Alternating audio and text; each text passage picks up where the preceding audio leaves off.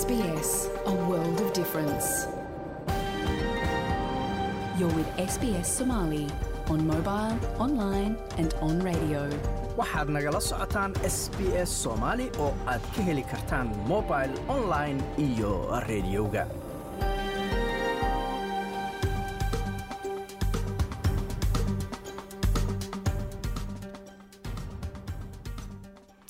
habeen wanaagsan dhammaantiinba meel kastoo aad joogtaan waa habeen arbacaa bisha janaayo inay tahay afar sannadka labada kun iyo labaatan iyo saddexda. Halka aad naga dhegaysanaysaanna waa laanta af soomaaliga ee idaacadda s b s oo si toosa idinkaga imanaysa. Stuudiogaanu ku leenahay magaalada melbourne magacayguna waa xasan jaamac. Waxyaalaha aad caawa idaacadda ku maqli doontaanna waxaa ka mid ah dhalinyarada dhibaatooyinka ugu haysta markay noqoto familigii waxay noqotay maadaama dadkeena badankooda ay soomaaliya ka yimaadeen waalidiintii dhalinyaradana meeshaanay ku dhasheen iskuullada meeshaanay aadeen environmentig iyo marat bay-addii ay wax ku baranayan way ka duwan tahay. Haddii marka dadka waalidiinta aysan fahmin dhalinyarada maarata bay-adda ay wax ku baranayaan oo aysan ayaga laftooda wax iska bedelin waxaa imaanaysa xoogaa in odaygii islaantii iyo ciyaalkii iska hor yimaadaan iska hor imaashahaasna waxay keenaysaa in xiriirkii ay lahaayeen uu xumaado. Waa qayb ka mid ah barnaamijyo aana dhowaanahan kaga hadlaynay dhibaatooyinka dhallinyarada qurbaha kadib laba wiil oo dhowaan lagu dilay magaalada melbourne waxaana ku wareysanay guddoomiyaha urur ka mida ururada jaaliyadda soomaalida ee magaalada edmonton ee dalka canada jibriil ibrahim waraysigaasoo dheer ayaad maqli doontaan. Sidoo kale waxaad maqli doontaan barnaamijka dukumiinti ka hadlaya sida dowladdii john howard ay ula xaashay arrimihii qaxootiga ee sanadihii labadi kun iyo labadii iyo wixii ka dambeeyey warbixin ayaad ku maqli doontaan iyo weliba wararkii soomaaliya. Marka horese wararka caawana waxaa ugu waaweyn daron chester oo ah xildhibaan ka tirsan xisbiga nationalka ayaa difaacay go'aanka xisbigiisu ka qaatay inay ka soo horjeestaan codka dadka dalka loogu yimid ay ku yeelanayaan ama loogu qaaday baarlamaanka. Hogaamiyaha xisbiga dimuqraadiga ee dalka maraykankuna waxa uu weerar afka ku qaaday xisbiga jamhuuriyiinta markii ay ku guuldaraysteen inay doortaan afhayeenka aqalka wakiilada ninna waxaa lagu soo eedeeyey oo eeda ah ama lagu soo ogay dacwooyina. Dil kadib markii maxbuus baxsaday meydkiisa laga helay dibadda guri ku yaalla magaalada hobart ee gobolka tasmania. Wararkaas iyo kuwo kale u diyaar garooba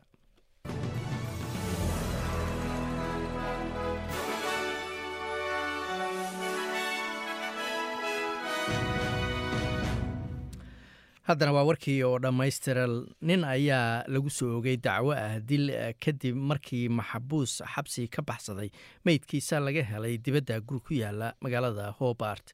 Booliska ayaa loogu yeeray guriga ku yaalla xaafadaha waqooyi ee magaaladaasi gaar ahaan xaafadda granton kowdii iyo barkii subaxnimo shalay subaxii oo talaado ahayd. Halkaas oo markaasi boolisku ay ka heleen meydka nicholas aaron scott labaatan iyo lix jirkan ayaa hore uga soo baxsaday waardiye ay ka hayeen askartu isagoo lagu waardiinayay cisbitaalka royal hobart la yiraahdo. Booliska tasmania ayaa dacwooyin ku soo ogay wiil labaatan jira oo laftiisa madaxa wax ka gaareen waxaana lagu soo ogay dacwo ah dilka ninkii maxbuuska ahaa brok calum davy ayaa xabsiga ku jira oo booliska u xiran waxaana maxkamadda la soo taagi doonaa dabayaaqada ama dhammaadka bishan janaayo. Laba qof oo australiyaana ayaa ka mid ahaa koox dalxiisayaala oo la soo badbaadiyey kadib markii dooni ay ku qallibantay biyo ka baxsan gobolka baali ee dalka indonesia cabe awe express oo addoonta dadkan waday ayaa waxaay waday labaatan iyo sagaal qof waxayna iyadoo safarkeedii labaatan daqiiqa ku jirta oo ka timid nuusabinda kuna socotay sanuuro dembasar u dhow la aaminsan yahay inuu ku dhacay wax muday oo mudac oo kaleah ama af mudac leh kadibna halkaas biyaho ay ku galeen doontan nooca dheereeya ayaa markiiba bilowday inay markaasi quusto taasoo macnaheedu yahay dadkii saarnaayoo dhan inay biyaha markaasi ku boodaan. Nin iyo haweeney gobolkan victoria ka soo jeeda ayaa ka mid ahaa dadka la soo badbaadiyey qofna kuma dhaawacmin ayaa la yiri shilkaasi weli waxaad nagala socotaan. Waa laanta af soomaaliga ee idaacadda s b s darren chester oo xildhibaan ka tirsan xisbiga nationalka ayaa difaacay go'aanka xisbigiisu qaatay oo ay kaga soo horjeesteen codka dadka dalkan loogu yimid ay ku yeeshaan baarlamaanka. Isagoo shaaciyey walaacyada ay qabaan oo ay ku jirto inaysan jirin faahfaahin ku saabsan codkan maer chester ayaa qabtay xilkan xisbiga mucaaradka oo uu noqonayo afhayeenka arrimaha waxbarashada magaalooyinka yaryar horumarinta magaalooyinka yaryar dowladaha hoose. Xilkan ayaa loo magacaabay markii uu xildhibaankii hore ee ka tirsanaa xisbiga nationalka andrew g.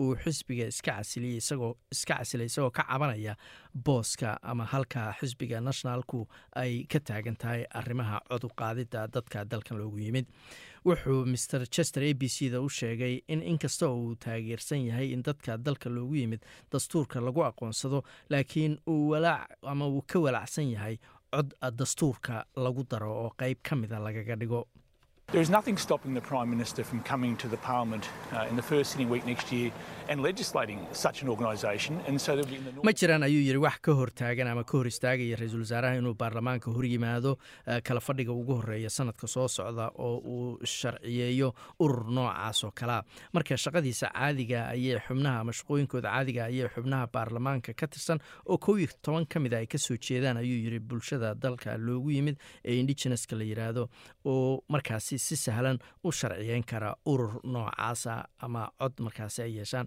Laakiin in dastuurka lagu daro oo lagu difaaco taas ma aqbalayna ayuu yidhi.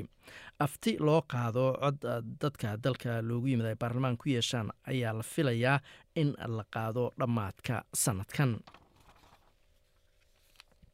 booliska queensland waxay isticmaaleen microfono cod dhaadheer ama meel fog laga maqlayo si ay markaasi fariin u gaarsiiyaan haweeney lagu laayahay gobolka queensland gaar ahaan koonfur bari queensland.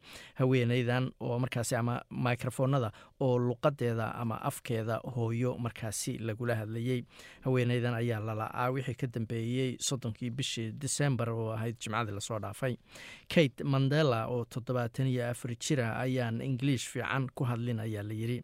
Waxayna wadankan timid oo keliya waqti dhow iyadoo ka timid dalka south africa ama koonfurta africa waxaana gurigii qoyskeeda laga waay waxaana la waayey oo iyada markay ka maqnaatay gurigii qoyskeeda oo ku yaalla magaalada ipswich ee gobolka queensland. Markii u dambeysana waxaa la arkay iyadoo lugeynaysa dhulka buuraleyda ee la yidhaahdo spring mountain area. Miss mandela oo ku hadasho luqadda malaawiyanka la yidhaahdo ayaa sidoo kale xaalad caafimaad markaasi qabta ama xanuuno qabta taasoo dhici karta baa layii inay keento inay wareerto ama jahawareer uu ku dhaco.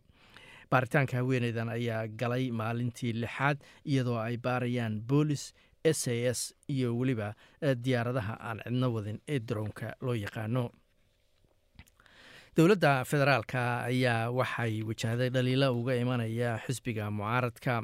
Kadib markii dowladda federaalka aysan raacin ayaa layidhi talooyinka uu u soo jeediyey ama ay u soo jeediyeen saraakiisha caafimaadka ugu sarreeya dalka. Tan ayaa imaneysa kadib markii dowladdu ay soo rogtay in dadka ka soo safraya dalka china ay tahay inay isu soo baaraan lagana waayo xanuunka ama caabuqa covid sarkaalka ugu sarreeya caafimaadka dalkan ayaa tallaabadaas dowladda uga digay oo isagu kala teliyey inaysan tallaabadaas qaadin. Laakiin wasiirka caafimaadka iyo khasnajiga ayaa labaduba sheegay inay arrintan u sameeyeen taxadar dheeraada awgeed. Sidoo kalena ay doonayaan in la helo macluumaad dheeraada oo lagu ogaado nooca cusub ee covid nka afhayeenka u hadlay xisbiga mucaaradka oo afhayeenka u qaabilsan caafimaadka aan rastan ayaa iyadu sheegtay in go'aankan lagu tuuray ama waxba laga soo qaadin talada ay wiiqayso talooyinka ay bixiyaan khubrada caafimaadka iyadoo markaasi sheegtay in dadkan laga baarayo xanuunkana aysan wax macluumaad oo dheeraada soo kordhinayn. Booliska gobolka northern territory ayaa waxa ay ku daba jiraan oo raadinayaan maxbuus ama qof xabsi ku jiray oo ka baxsaday shalay galabkii oo bishu ay ahayd saddex el junior foster oo labaatan iyo saddex jira ayaa u xirnaa booliska waxaana la filayay in la geeyo meesha la yiraahdo tenant greeg balse waxa uu ka fakaday meeshii booliska uu ku hayay oo la yiraahdo eliot police station watch house. Kadib markii uu dhaawac u geystay mid ka mida askartii midkoodna uuba dhulka dhigay oo uu la tuuray gacanqaad mid ka mida askartaas ayaa waxaa markaasi canka jeexnaan yar ay ka soo gaartay ayaa layidhi waxaana la geeyey cisbitaalka si looga daaweeyo dilaacaas canka ka soo gaaray haddana waa wararkii dibadda ee dhanka maraykanka hogaamiyaha xisbiga dimuqraadiga ayaa weerar afka ku qaaday xisbiga jamhuuriyiinta markii ay ku guuldaraysteen inay doortaan afhayeenka aqalka wakiilada. Aqalka ayaa dib u dhigay doorashada afhayeenka kadib markii uu hogaamiyaha xisbiga jamhuuriga kevin mccarty uu saddex jeer oo cod loo qaaday heli waayey tiradii codadka ee loo baahnaa iyadoo markaasi musharaxiin badani ay kasandhehe halkaas aan ku celiya halkaas iyadoo muxaafidiin badani waa xubnaha muxaafidiinta ee ka tirsan isla xisbiga jamhuuriga ay ka soo horjeesteen doorashada ninkan. Isagoo u baahnaa laba laba boqol iyo sideed iyo toban cod oo aqalka wakiilada master macartney ayaa labadii jeer oo hore helay laba boqol iyo saddex markii saddexaadna tiradu labada boqol iyo saddexdii wayba ka sii yaraatay oo waxa uu helay oo keliya laba boqol iyo labo. Hogaamiyaha xilka isagoo u qabanaya xisbiga dimuqraadiga hakiim jefferys ayaa sheegay in aqalka wakiiladu uu maanta markhaati ka ahaa qalalaasaha qulquladda iyo jaha wareerka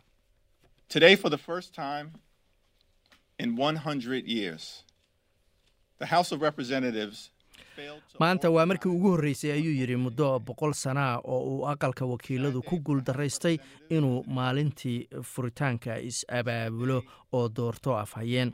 Waa maalin murugo u ah ayuu yidhi aqalka wakiilada. Hay'ad ahaan waa maalin murugo u ah dimuqraadiyadda dalka. Waa maalin murugo u ah shacabka maraykanka ayuu yidhi. Aqalka ama xubnaha aqalka ayaa dib u soo laabanaya berito markaasina cod kale ayaa loo qaadi doonaa. Cidda noqon doonta markaasi afhayeenka aqalka hoose ee xisbiga jamhuuriga ah. Wasaaradda gaashaandhigga ruushkuna waxa ay sheegtay in ciidankeeda ama askartooda oo si sharci daraa u isticmaalayay mobile foono ay u ogolaatay ciidamada ukrain inay helaan halka ay ku sugan yihiin sidoo kalena ay markaasi burburiyaan xarun ama markaasi meel ciidanka ruushku ay markaasi samaysteen oo ku taalla bariga ukrain dabayaaqadii asbuuci la soo dhaafay. Siddeetan iyo sagaal ka tirsan askartii ruushka ayaa lagu dilay weerar gantaalaha oo ukrainiyiintu ay ku qaadeen halkaasi taasoo ah tira ka badan tiradii hore loo sheegay dabayaaqadii wiikendigii ama dabayaaqadii asbuuci la soo dhaafay oo saraakiisha ruushku ay sheegeen tiro intaasi ka yar wasaaradda iyo saraakiisha militariga dalkaasi ayaa ayaamahanba dhaliila waxay uga imaanayeen dadka siyaasadda falanqeeya ee ruushka kadib markii markaasi askar badan ay ka dhimatay uga dhimatay dagaalka oo ay ku tilmaameen inuu yahay olole markaasi aan si dhaba loo fulin barta bulshada ee twitterka ayaa markaasi markii labaad maqan ayaa la yidhaama hawada ka maqan taasoo ah tii labaad muddo laba toddobaada iyadoo dadka isticmaala twitterka ee dalkan australia ay sheegeen in dhibaato badani ay ka haysato inay galaan oo markaasi iyo in haddii xataa ay ku jiraan barta twitterka aysan soo rogan karin bogoga ay doonayaan. Down detector oo ah website la socda arrimaha hay'adaha markaasi dhibaatadu soo wajahdo oo go-a ayaa helay ayaa layidhi warar badan oo sheegaya in dad badani ay isticmaali waayeen barta twitterka laga bilaabo saakay saakadii hore oo markaasi afarta bisha janaaya ahayd. Qaar badan ayaa isla twitterka waxa ay ku dhaleeceeyeen ninka twitterka iskale ee elon mask la yidhaahdo iyagoo markaasi qeexaya sida aysan ugu qanacsanayn adeega halkaasi u ka wada ninkaasi. Haddana waa qadar sbortia aan ku bilaabo xubinta isboortiga kooxda al nasri ee ka dhisan dalka sacuudi arabiya ayaa ugu dambayntii shalay soo bandhigtay saxiixeeda cusub ee cristiano ronaldo kadib markii jimcihii ay si rasmi ula wareegtay. Soddon iyo todoba sana jirkan kabtanka u ah xulka qaranka dalka bortugal cristiano ronaldo ayaa sheegay in shaqada qaaradda yurub ay uga dhammaatay balse fursado fara badan uu helay. Ka hor intaanu ku soo biirin kooxda sagaalka jeer haysata horyaalka dalkaasi sacuudi arabiya ee al nasri waxa uu ku biiray al nasri isagoo xor ah jimcihii kadib markii uu ka tegey manchester united kadib waraysi muran dheliyey oo uu ku dhaleeceeyey kooxdaasi.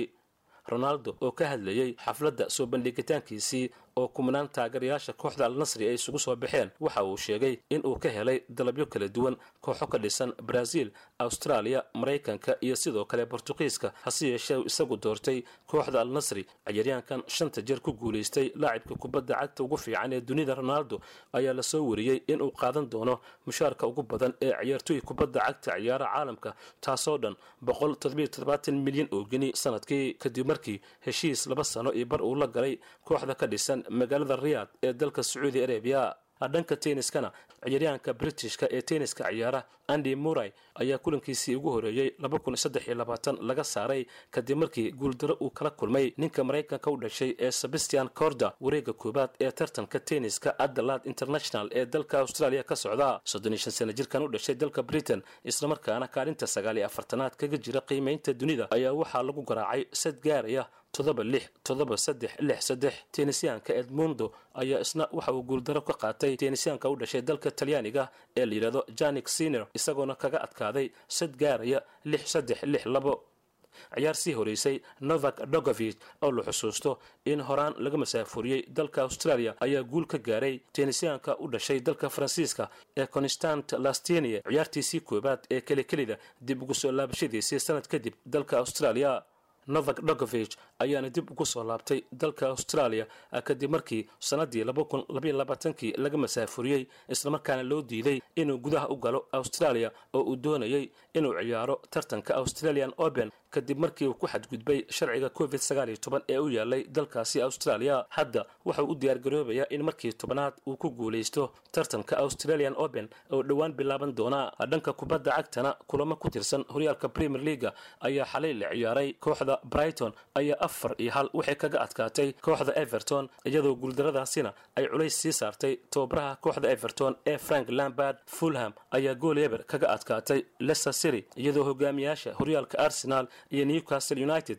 oo sanadkan wacdaro dhigaysa ay ku kala tageen barbadhac eber iyo eber laakiin manchester united oo guulo ku naaloonaysa kulamadii ugu dambeeyey ayaa saddex gool oo ay u kala dhaliyeen casamiro luke show iyo marcos rashford kaga adkaatay kooxda bournemouth. Waxaana hadda manchester united ay weli ku jirtaa kaalinta afraad. Dhankayo sbain kulamo ku tirsan coba del rey ayaa la ciyaaray. Valencia saddex eber ayay kaga adkaatay kooxda lamarsia la yidhaahdo villarreal ayaa iyana waxay lix gool iyo hal ku dhufatay. Kooxda heerka saddexaad ee katagina sbanyol iyo kooxda celta de figo ayaa saddex gool iyo hal waxay guusha ku raacday kooxda sbanyol iyadoo kooxda levente saddex iyo labo ay kaga adkaatay kooxda getaf sporting gion waxay labii eber ku dhaaftay raya vallecano. Halka kooxda real madrid ay hal gool oo qura kaga adkaatay kooxda sasareno ee heerka afraad sbain iyadoo ka ciyaarta. Saadaasha hawada berita oo khamiisana magaalada melbourne waa qayb ahaan daruur iyo labaatan iyo saddex digrii halkaa sydney xoogaa roobaba oo marka dambe qaadaya iyo labaatan iyo saddex digrii ay ka noqonayso. Halkii australian dollar maanta waxaa lagu sarifayay lixdan iyo sideed senti oo lacagta maraykanka ah halkaad weli nagala socotaan waa laanta af soomaaliga ee idaacadda s b s. Weli waxaa noo soo socda guddoomiyaha urur ka shaqogala ama ka howlgala dalka canada. Jibriil ibraahin waraysi aanu la yeelanay iyo arrimaha dhalinyarada ayaa noo soo socda. Marka horese dalkan australia go'aamada golaha wasiiradu gaaraan qaarkood sir ayaa laga dhigaa muddo dheer balse sannada kadib haddii loo arko inaysan dhibaato u geysanayn amniga qaranka bannaanka ayaa loo soo dhigayo waxaa laga saaraa inay sir qaran yihiin. Haddaba warqado dhowaan la soo saaray ama la shaaciyey ayaa muujinaya sida dowladdii john howard ay go'aanada u gaaraysay ku aadanaa qaxootiga iyo magagelya doonka doonyaha ku imaan jiray iyo sidii ay u soo saareen nidaamkii loo bixiyey pacific solution oo ahaa in dadka qaxootiga ee doonyaha ku imanaya la geeyo papua new guinea iyo nauru.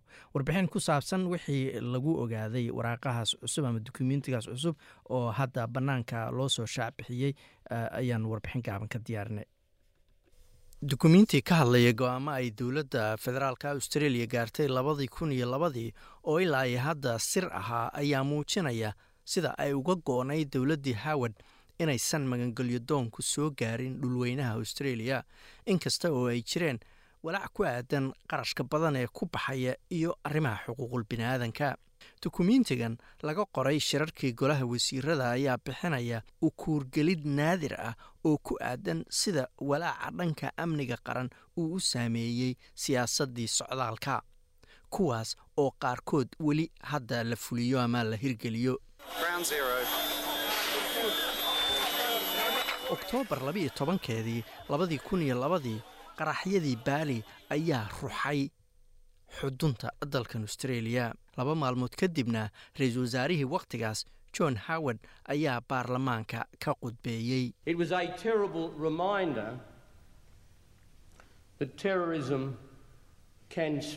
Waxay xasuusin naxdinle u tahay in argagixisadu weerari karto qof kasta meel kasta iyo wakhti kasta. Ma jiro qof adduunkan oo dhan jooga oo ka madax bannaan ama ka tallaalan argagixisanimada bil kadibna dukumiintiga shirarkii golaha wasiirada ayaa muujinaya in austareeliya ay alqaacida si gaar ah ugu beegsanaysay weeraro argagixiso. Labadii kun iyo labadiina ciidanka austareeliya ayaaba galay ama ku sugnaa dalka afghanistan. Dukumiintiga golaha wasiirada ayaa muujinaya in john howard uu wadahadal kula jiray madaxweynihii hore ee maraykanka george w. Bush oo uu kala hadlayey in ciraaq ay haysato hubka waxgumaada iyo in kale. Ka hor duulimaadkii maraykanku uu hogaaminayey ee ciraaq lagu qaaday labadii kun iyo saddexdii. Amanda vanistod oo hore wasiirad xisbiga liberaalka u ahayd ayaa sheegtay in ammaanka qaranku uu gundhig u ahaa siyaasadda arrimaha socdaalka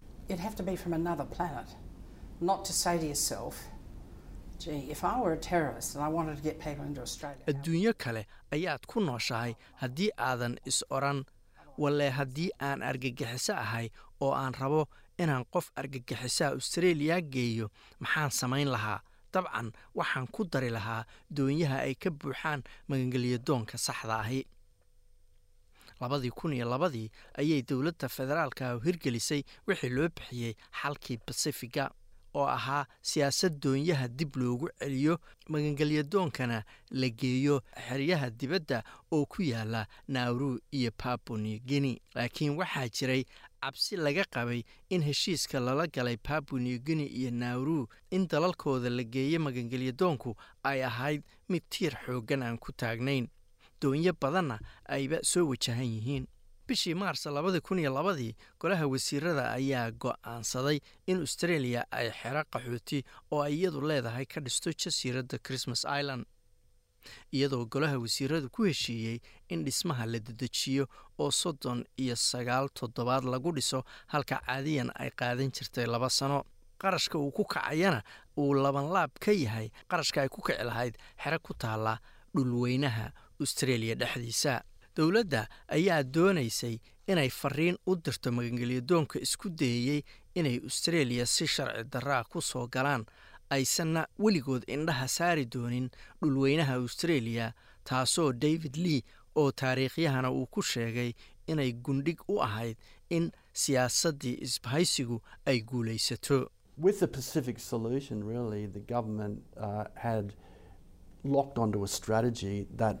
xalkii basifiga runtii dowladdu waxay ku adkaysatay istaraatiijiyad ay siyaasiyan ku guulaysatay.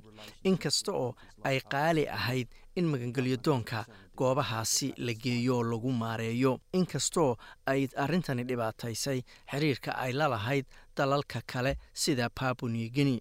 Dowladda waxaa ka go'nayd inay siyaasaddeeda fuliso qarashkii doonaba ha uga baxee inkasta oo shuruudaha xerada christmas island ay ku jireen inaan dadka ciqaab looga dhigin oo la hubiyo in la ilaaliyo caafimaadka jireed iyo kan maskaxeed ee dadka deggan xerada haddana waxaa la gaaray go'aan lagu xadidayo dhaqdhaqaaqooda xorriyadda. Go'aan lagu xadidayo xorriyaddooda dhaqdhaqaaqeed taas ayaa loo arkayey inay lagama maarmaan ahayd si loo yareeyo inay baxsadaan iyo in warbaahinta kooxaha u dooda qaxootiga iyo dadka degan jasiiraduhu ay faragelin ku sameeyaan qaxootiga halkaa degan iyo arrimahooda amanda vanstone ayaa sheegtay inaysan wax dhiba iyadu u arkaynin heerka ammaan ee xerada lagu soo rogay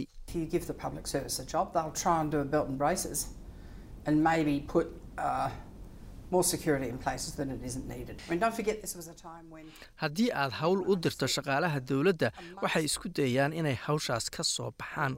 Waxaa dhici karta inay amni dheeraada oo aan loo baahnayn soo rogaan ama hirgeliyaan. Hana iloobin waxaa lagu jiray wakhti aynaan xataa hubin in dadka soo galaya dalka ay ku jiraan qaar raba inay dhib noo geystaan sannadkii la soo dhaafayna guddiga xuquuqul bini'aadanka australia ayaa ku teliyey in xerada qaxootiga ee christmas island la xiro.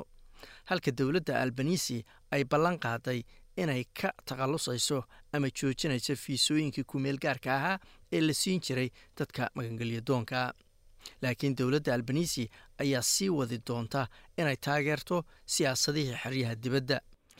Halkaad warbixintaas kala socoteen waa laanta af soomaaliga ee idaacadda s b s b s weli waxaa noo soo socdaa warkii noo soo diray waryahaga magaalada muqdisho. Marka horese dhallinyarada soomaalida ee deganaa dalka canada gaar ahaan magaalada toronto iyo magaalada labaad ee soomaalida ugu badan tahay edmonton ayaa waxaa soo wajahay in dhallinyaro badan ee halkaasi lagu dilo tobankii sano ama shan iyo tobankii sano ee u dambeeyey magaalada edmonton gaar ahaan waxaa ku dhintay ayaa la leeyahay ilaa toddobaatan wiil oo dhallinyara sannadahaasi jibriil ibraahim waxa uu ka mid yahay madaxda ururada ugu waaweyn ee ka jira magaalada edmonton waxaana weydiiyey baldhibka halkaas ka jira waxaana yidhi.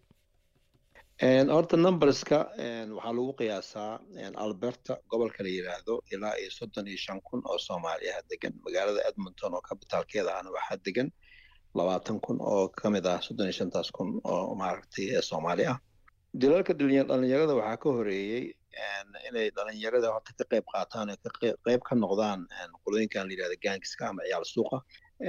Taasna waxay bilaabatay waagii soomaalida ay yimaadeen badankooda waxay ka soo degeen gobolka la yidhaahdo ontario.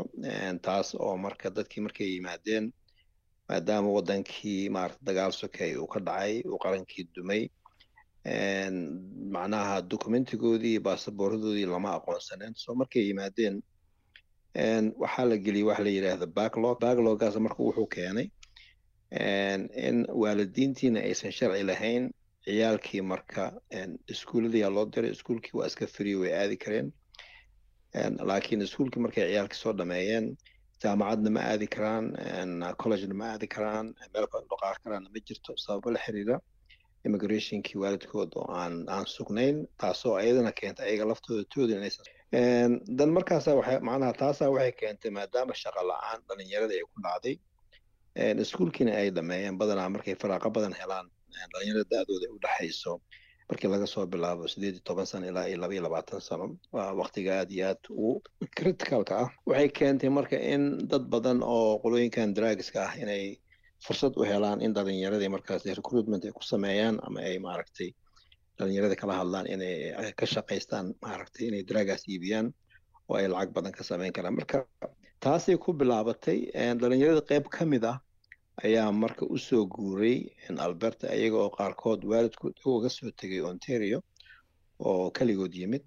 Marka dilalka waxay bilowdeen waxaan leeyahay ilaa two thousand fivekii markaas waa marka aan ka soo guuray aniga ontario oon soo degay magaalada edmonton waxaan garanayaa usbuuc walba waxaa la arki jiray laba dhalinyara oo soomaaliya la dilay marka ilaa iyo hadda ilaa sanadahaas arrintan ay bilaabatay ma la ogyahay tirada dhalinyarada lagu dilay edmonton kaysaskoodase kulligood ma la xaliyey oo ma la helay dadkii ka dambeeyey dilalkooda?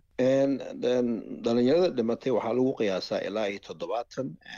Badankoodana waxaa lagu duugay magaalada edmonton oo qabuuraha muslimiinta ay ku duugan yihiin oo dad qabuuraha waad arkaysaa magacyadooda siday u taxan yihiin meesha marka waxaa lagu qiyaasaa ilaa iyo toddobaatan meeyo inay gaarayaan toddobaatan toddobaatan iyo labo meelahaas hadda up this point waa garta marka dhimashadaas kadib jaaliyadda ururka adigu aad madaxda ka tahay iyo dowladda iyo booliska arrimahaas maxay ka qabteen oo ugu waaweynaa ama wadahadaladii laga yeeshay maxay ahaayeen? Waxyaabaha ugu waaweyn oo oo maaragtay waxyaabaha keena horta maxaa ka mid a? Marka ugu horeysa waa in laga hadlaa causaskii mogtahay ma garatay waxyaabaha badankooda keena waxa waaye familigii ama reerihii oo aan maaragta odagii islaantii oon sidii loogu talagalay aan u wada shaqayn karin oo sababo la xiriira dhaqaale xaggooda dhaqaalayo iska xun. Dhibaatooyin badan oo maarata qaxootinimo ahaantaas ay kala kulmeen.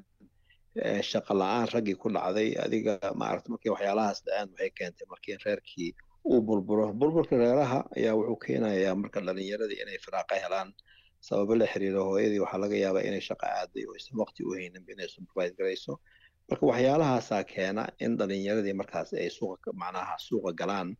Maxaa laga qabtay? Waxyaabo badanaa laga qabtay oo markii aan aragn dhimashadii inaysan istaagaynin oo aad iyo aad u sii kordhayso.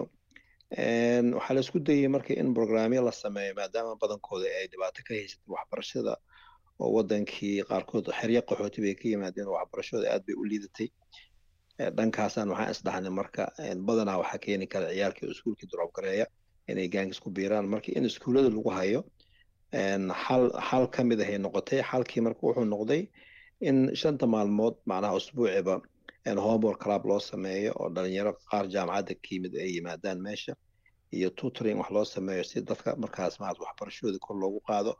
Taas marka waxay keentay in dhalinyaro aad iyo aad u tiro badan ay ka faa'iidaystaan oo ay jaamacadaha ka soo baxaan haba u badnaadeen gabdho. Taas waa mid. Tan labaad waa samarka badanaa dhibaatooyin badanoo waxaa jira. Labada bilood oo iskuulka fasax laga yahay waxay keentaa maaragtay in dhalinyaradii ay faraaqa helaan oo ay moolasha tagaan oo markaas maaragtay criminal activity iyaga oo maaragta wax ay qabtaan waa inay sameeyaan. Taasna waxaan kula dagaalnay markii inaan sameyno program kale oo la yiraahdo summer programs oo maaragtay six weeks waxaa loo sameeya day camps oo ah subaxda in hooyooyinka iyo abayaasha ay ciyaalkooda keeni karaan iskuulla loogu talagalay. Galabtiina saddexda galabnimona ay meesha ka qaadan karaan. Kaas markuu dhammaado ilaa lix usbuuc oo kale markuu dhammaado kadibna ilaa iyo boqol iyo labaatan boqol iyo afartan dhalinyaro ah ayaa la geeyaa maaragtay cam ku yaalla magaalada edmonton dibaddeeda youtube channelka aad ka arki kartaan waxaa la yidhahdaa cam toso. Hadaad hadaad geliso youtube waad arkaysaa kaamamkii aan sameynay. Waxaa la bilaabay labada kun iyo sagaalkii. Kaasna wuxuu keenay in dhalinyaro badan ay aad iyo aad uga faa'iidaystaan oo waktigii ay macnaha dibadaha wareegi lahaan moolka ay joogi lahaayeen inay helaan activity badan oo aad uga faa'iidaystaan waa gartay sidoo kale jibriilo waxaa laga sameeyey daraasado badan dhibaatooyinka arrimahan keena iyo dhalinyarada dhibaatooyinka haysta.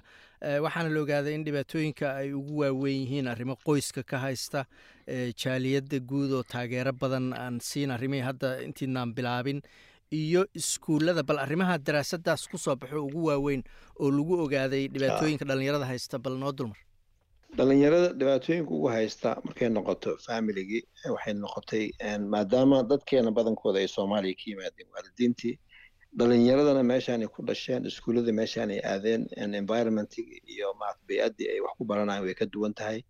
Haddii marka dadka waalidiinta aysan fahmin dhalinyarada maaragta bay-adda ay wax ku baranayaan oo aysan ayaga laftooda wax iska bedelin waxaa imaanaysa xoogaa in odagii islaantii iyo ciyaalkii iska hor yimaadaan iska hor imaashahaasna waxay keenaysaa in xiriirkii ay lahaayeen uu xumaado. Taas marka dhibaatooyin badan baa ka yimid. Dhankii iskuolka also maadaama cunsuriyadda ay iska badan tahay dadka cadaanka badanaa madooga ay cunsuriyad ku hayaan taasna waxay keentay ciyaal badan oo inta ku dhashay in qaarkood lagu qoro maarata english second language ayagoo ayagoo canada ku dhashay. Marka taasna macnaha waxay keentay in waalidkii iyo iskuolkii ay isqabtaan waxay keentay in dhalinyaradii ay maxoogaa maaragtay niyaddoodii jabto sababtoo ah inaan loo arkin in dadka kale ay la mid yihiin waxyaalahaasoo dhan waxay keeneen markii in xoogaa niyad jab uu ku dhaco waxbarashadoodii iyo arrimahoodii laakiin taas hadda kolley waa overcoma lagu sameeyo aad iyo aad maaragtay dhalinyaro badan uga faa'iidaysto jaamacadihii ka soo baxay waa gartay guud ahaan daraasaddaas waxaa kaloo ku jiray in marka la eego aqoonta dadka soomaalida soddon iyo afar boqolkiiba ay yihiin dadaan ama dugsare ka soo bixin ama diblooma kala haysan. Halka guud ahaan shacabka canada sagaal dhibic laba boqolkiiba ay tiradaas tahay. Marka ma la dhihi karaa xoogaa aqoon yari guudoo dadka soomaalida haysataa dhibaatooyinka qaybka?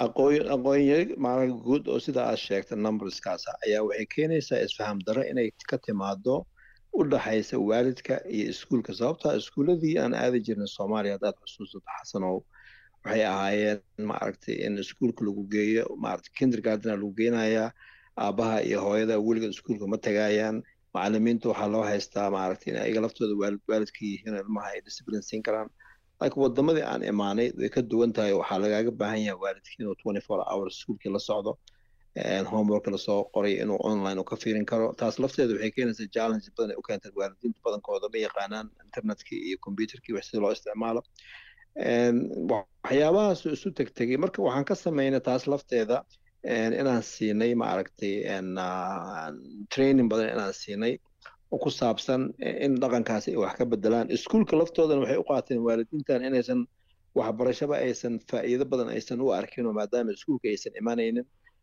Macalimiintii iyo school administrationkana waxaan barnay ayaga laftooda inay fahmaan dadka inay ka yimaadeen duni ka duwan dunidan oo maaragta sidaas uu fahamkoodu yahay oo ayagana ay xoogaa waqti siiyaan inta aan maaragta waalidiintaas aan wax ka barayn wax ka fahmayaan marka taasna way nala qaateen oo ayaga laftooda fahamkooda aad iyo aad buu wax isaga bedelay marka arrimahaas o dhan aa la sameeyey aad iyo aad maclu caawinay. Waa gartay guud ahaan bulshaweynta canada ma jirtaa takoor ama cunsuriyad badan oo dhallinyaradaas ama soomaalidu guud ahaan ay kala kulmaan? Takoor aad iyo aad u badan wuu jiraa sababo la xiriira maadaama dilkii uu batay haddana mediaha laftooda ayaga laftooda aad iyo aad maaragtay dhibaatooyin badan naga qabsaday sababtoo ah markii laba qof dhimata waxay leeyihiin labadaas dhimatay oo la dilay gaangiskaas waxay ka yimaadeen soomaalida. Dhibaatooyinkaas ayaa marka waxay keeneen in soomaalidii dhalinyarada laftooda ay ka cararaan inay soomaali yihiin qaarkood ay sheegan waayaan. Taas marka arrintaasna waxaan ka qabanay media baan maarata kulan la qaadana u sheegnay dhibaatooyin badan naga soo gaareen oo aanan u dulqaadan doonin magaca soomaaliga in sidaasoo kale loogu ciyaaro.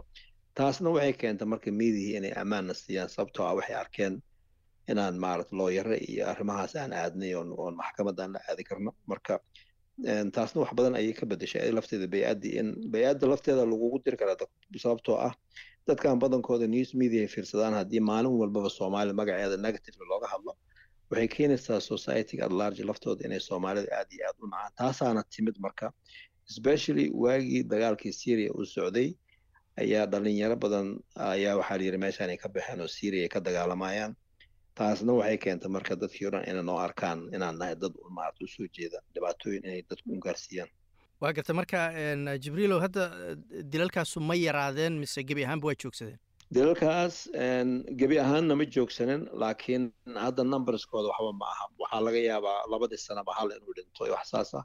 Alxamdulilah sida ilaahay wuu nooga gargaaray.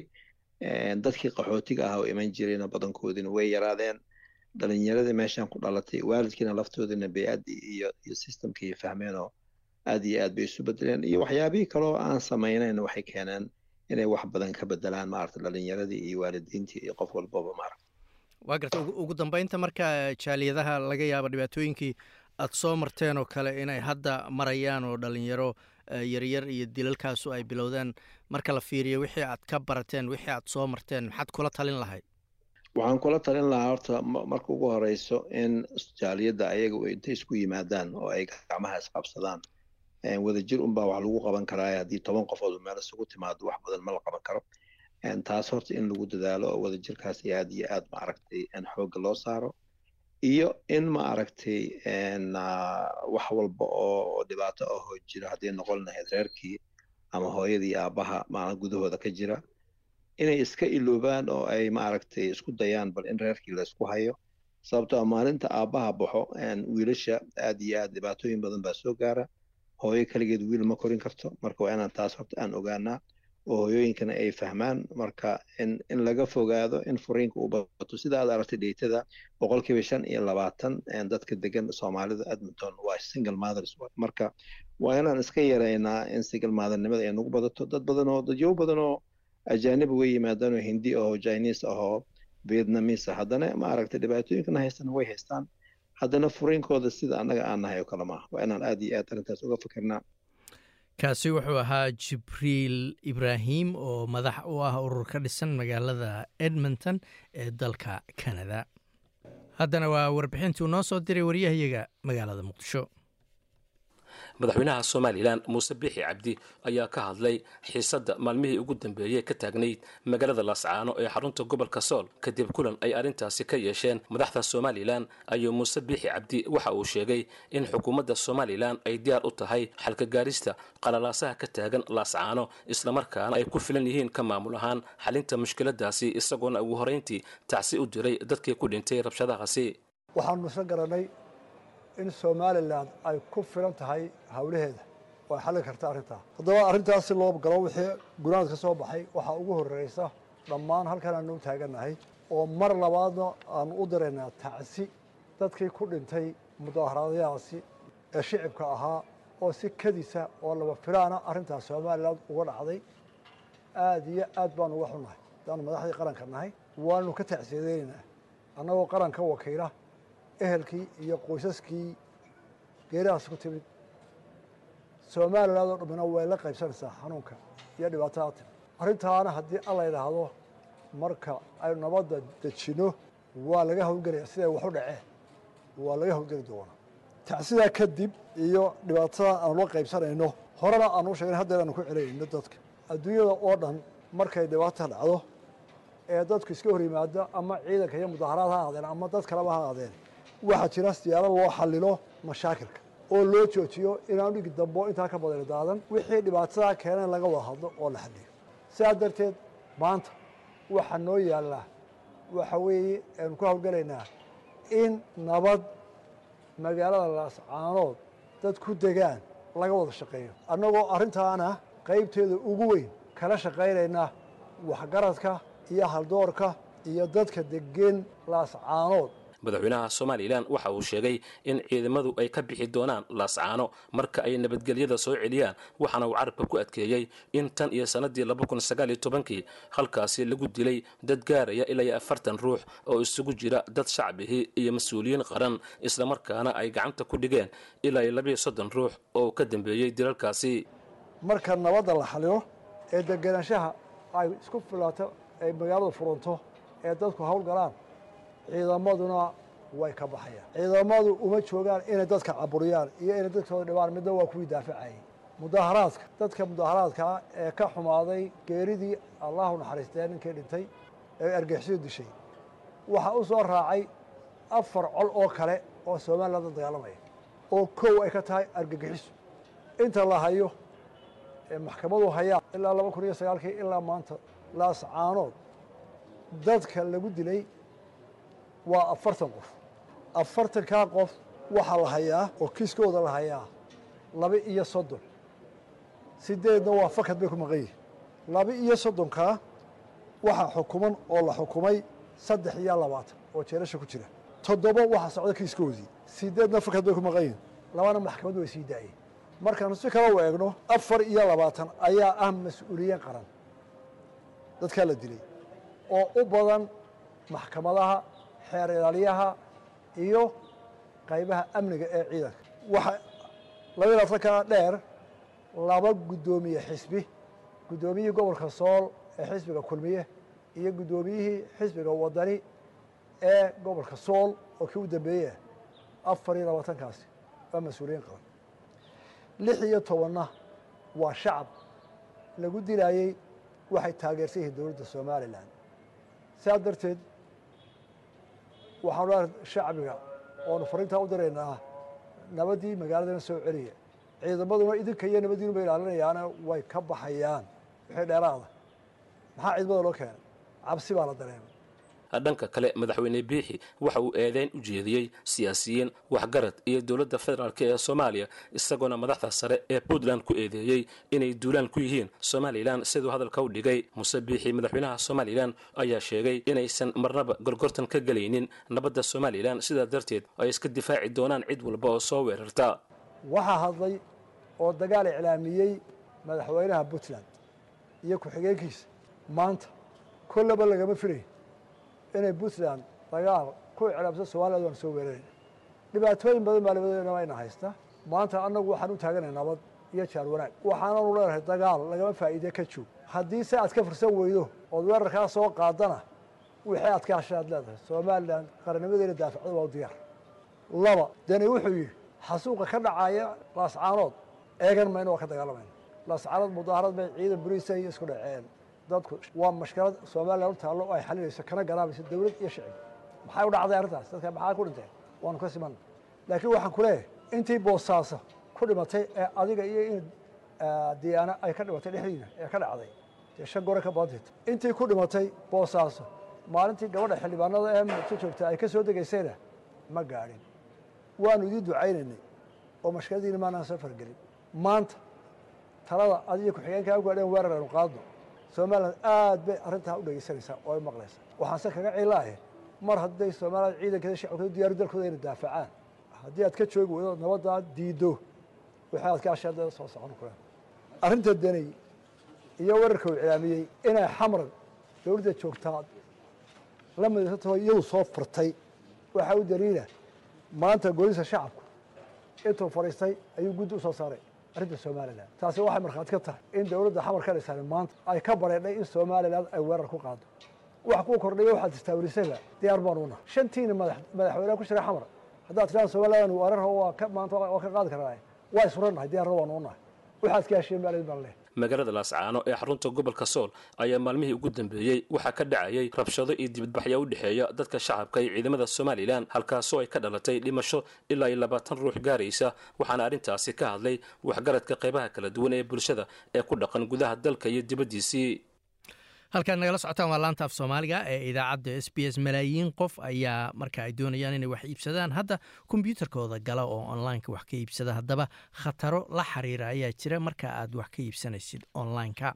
Warbixinaan ka diyaarinayna waatan inkasta oo in wax laga iibsado internetka ay macaamiisha faa'iido badan u leedahay kuwaas oo ay ka mid yihiin dhibyari ay wax ku gataan qiimo dhimis balse waxaa la socda khataro inkasta oo ay jiraan dukaamo badan oo sharciya oo aruuriya xogta macaamiisha wax ka gadatay waxaa sidoo kale jira tuugo ama burcad ka faa'iidaysanaya ganacsiga sii kordhaya ee internetka iyagoo beegsanaya dadka nugul ee austareeliya inkasta oo tobankii sano ee u dambeeyey uu kordhay ganacsiga onlineku waxa uu aad u qarxay markii la galay xanibaadihii covid nka sida laga soo xigtay daraasad dhowaan la daabacay. Ku dhowaad shantii qof ee australiyaan ahba mid ka mid a ayaa raashin ku iibsaday onlineka. Daraasado kale ayaa muujinaya in onlineka dukaamada looga adeegto ay saddex laameen intii lagu jiray faafkii covid nka doctoresa louis grimer waa cilmi baare culunta ganacsiga iyo dhaqaalaha ka dhigta jaamacadda tasmaniya waxay sheegtay in inkastoo dukaamada tafaariiqda ee waaweyn ay faafka ka hor onlineka wax ku gedi jireen haddana faafkii uu ku khasbay inay sii hagaajiyaan oo kor u qaadaan adeegyadooda onlineka ama mid cusub ay sameeyaan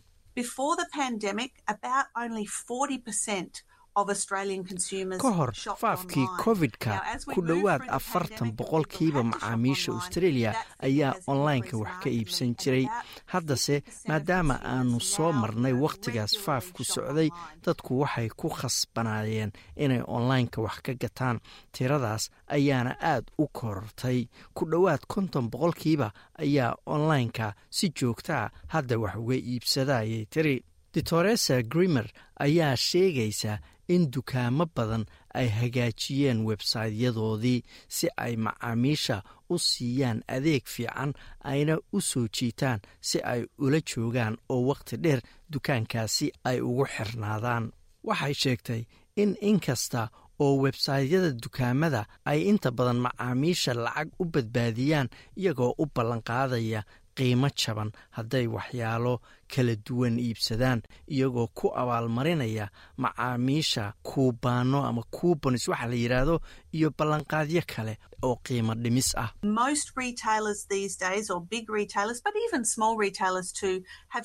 Baryahan dambe dukaamada tafaariiqda intooda badan ama dukaamada waaweyn. Waxay leeyihiin barnaamijyo daacadnimo ama loo yaqaano loyalty programs oo ah inaad noqoto qof mar walba dukaankaas ku xiran oo wax ka gata.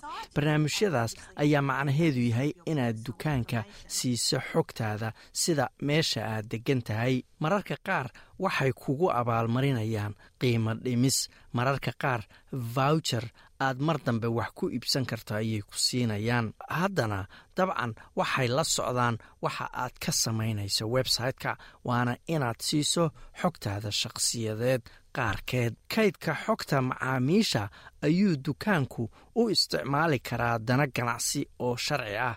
Waxaa sidoo kale sharciyan loo isticmaali karaa in ganacsiyo kale laga sii iibiyo haddii heshiiska aad gasheen ay arrintaasu oggolaanayso. Hase yeeshee macluumaadkan ayaa sidoo kale soo jiita burcadda internetka iyo kuwa jabsada kombyuutarada oo doonaya inay xogtaasi ka faa'iidaystaan maadaama xogta gaarkaa ee dadka ay suuqa madow lacag joogto. Khatarta kale ee wax ka iibsashada online-ka ayaa ah inaad la kulmi karto dukaamo been abuura oo online-ka ay burcaddu ka samaysay si ay dadka lacagtooda iyo aqoonsigoodaba u dhacaan. Ku-xigeenadda a triple c oo ah hay'adda ilaalisa xuquuqda macaamiisha iyo tartanka suuqyada furan. Dalia richard ayaa sharaxaysa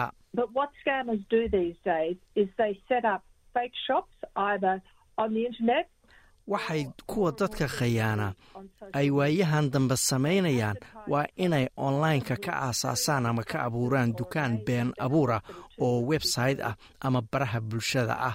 Waxay xayeysiiyaan alaab jaban ama faa'iidooyin badan oo aad la yaabayso. Miss richard ayaa sheegtay in haddii website-ku ku weydiiyo qaabab aan caadi ahayn oo lacagta lagu bixiyo sida inaad si toosa bangi akoon ugu riddo inaad ku bixiso cripto currency ama fawjaro waxay u badan tahay in dukaankaasi uu been abuur yahay. Waxay ka digaysaa in burcadda online-ku ay inta badan iska dhigaan dukaamo australiyaana si qofku u aamino oo uu u moodo inuu wax ka iibsanayo dukaan la yaqaan oo australiyaana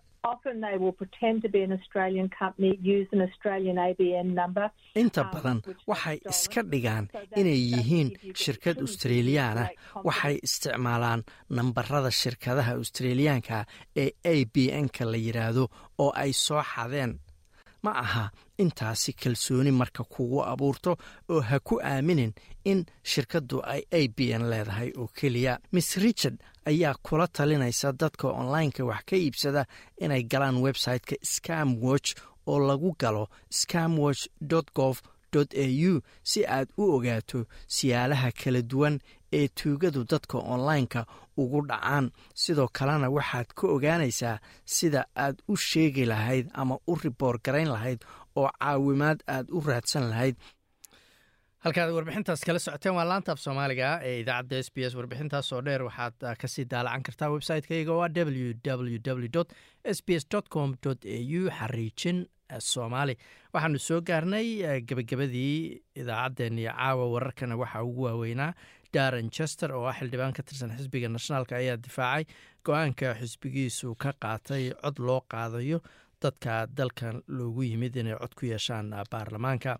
Hogaamiyaha xisbiga dimuqraadiga ee dalka maraykankuna gaar ahaan aqalka hoose wuxuu weerar afka ku qaaday xisbiga jamhuuriyiinta markii ay ku guuldaraysteen inay doortaan afhayeen nin ayaa lagu soo ogay dacwo ah dil kadib markii nin xabsi ka fakaday meydkiisa laga helay dibadda guri ku yaalla hobart.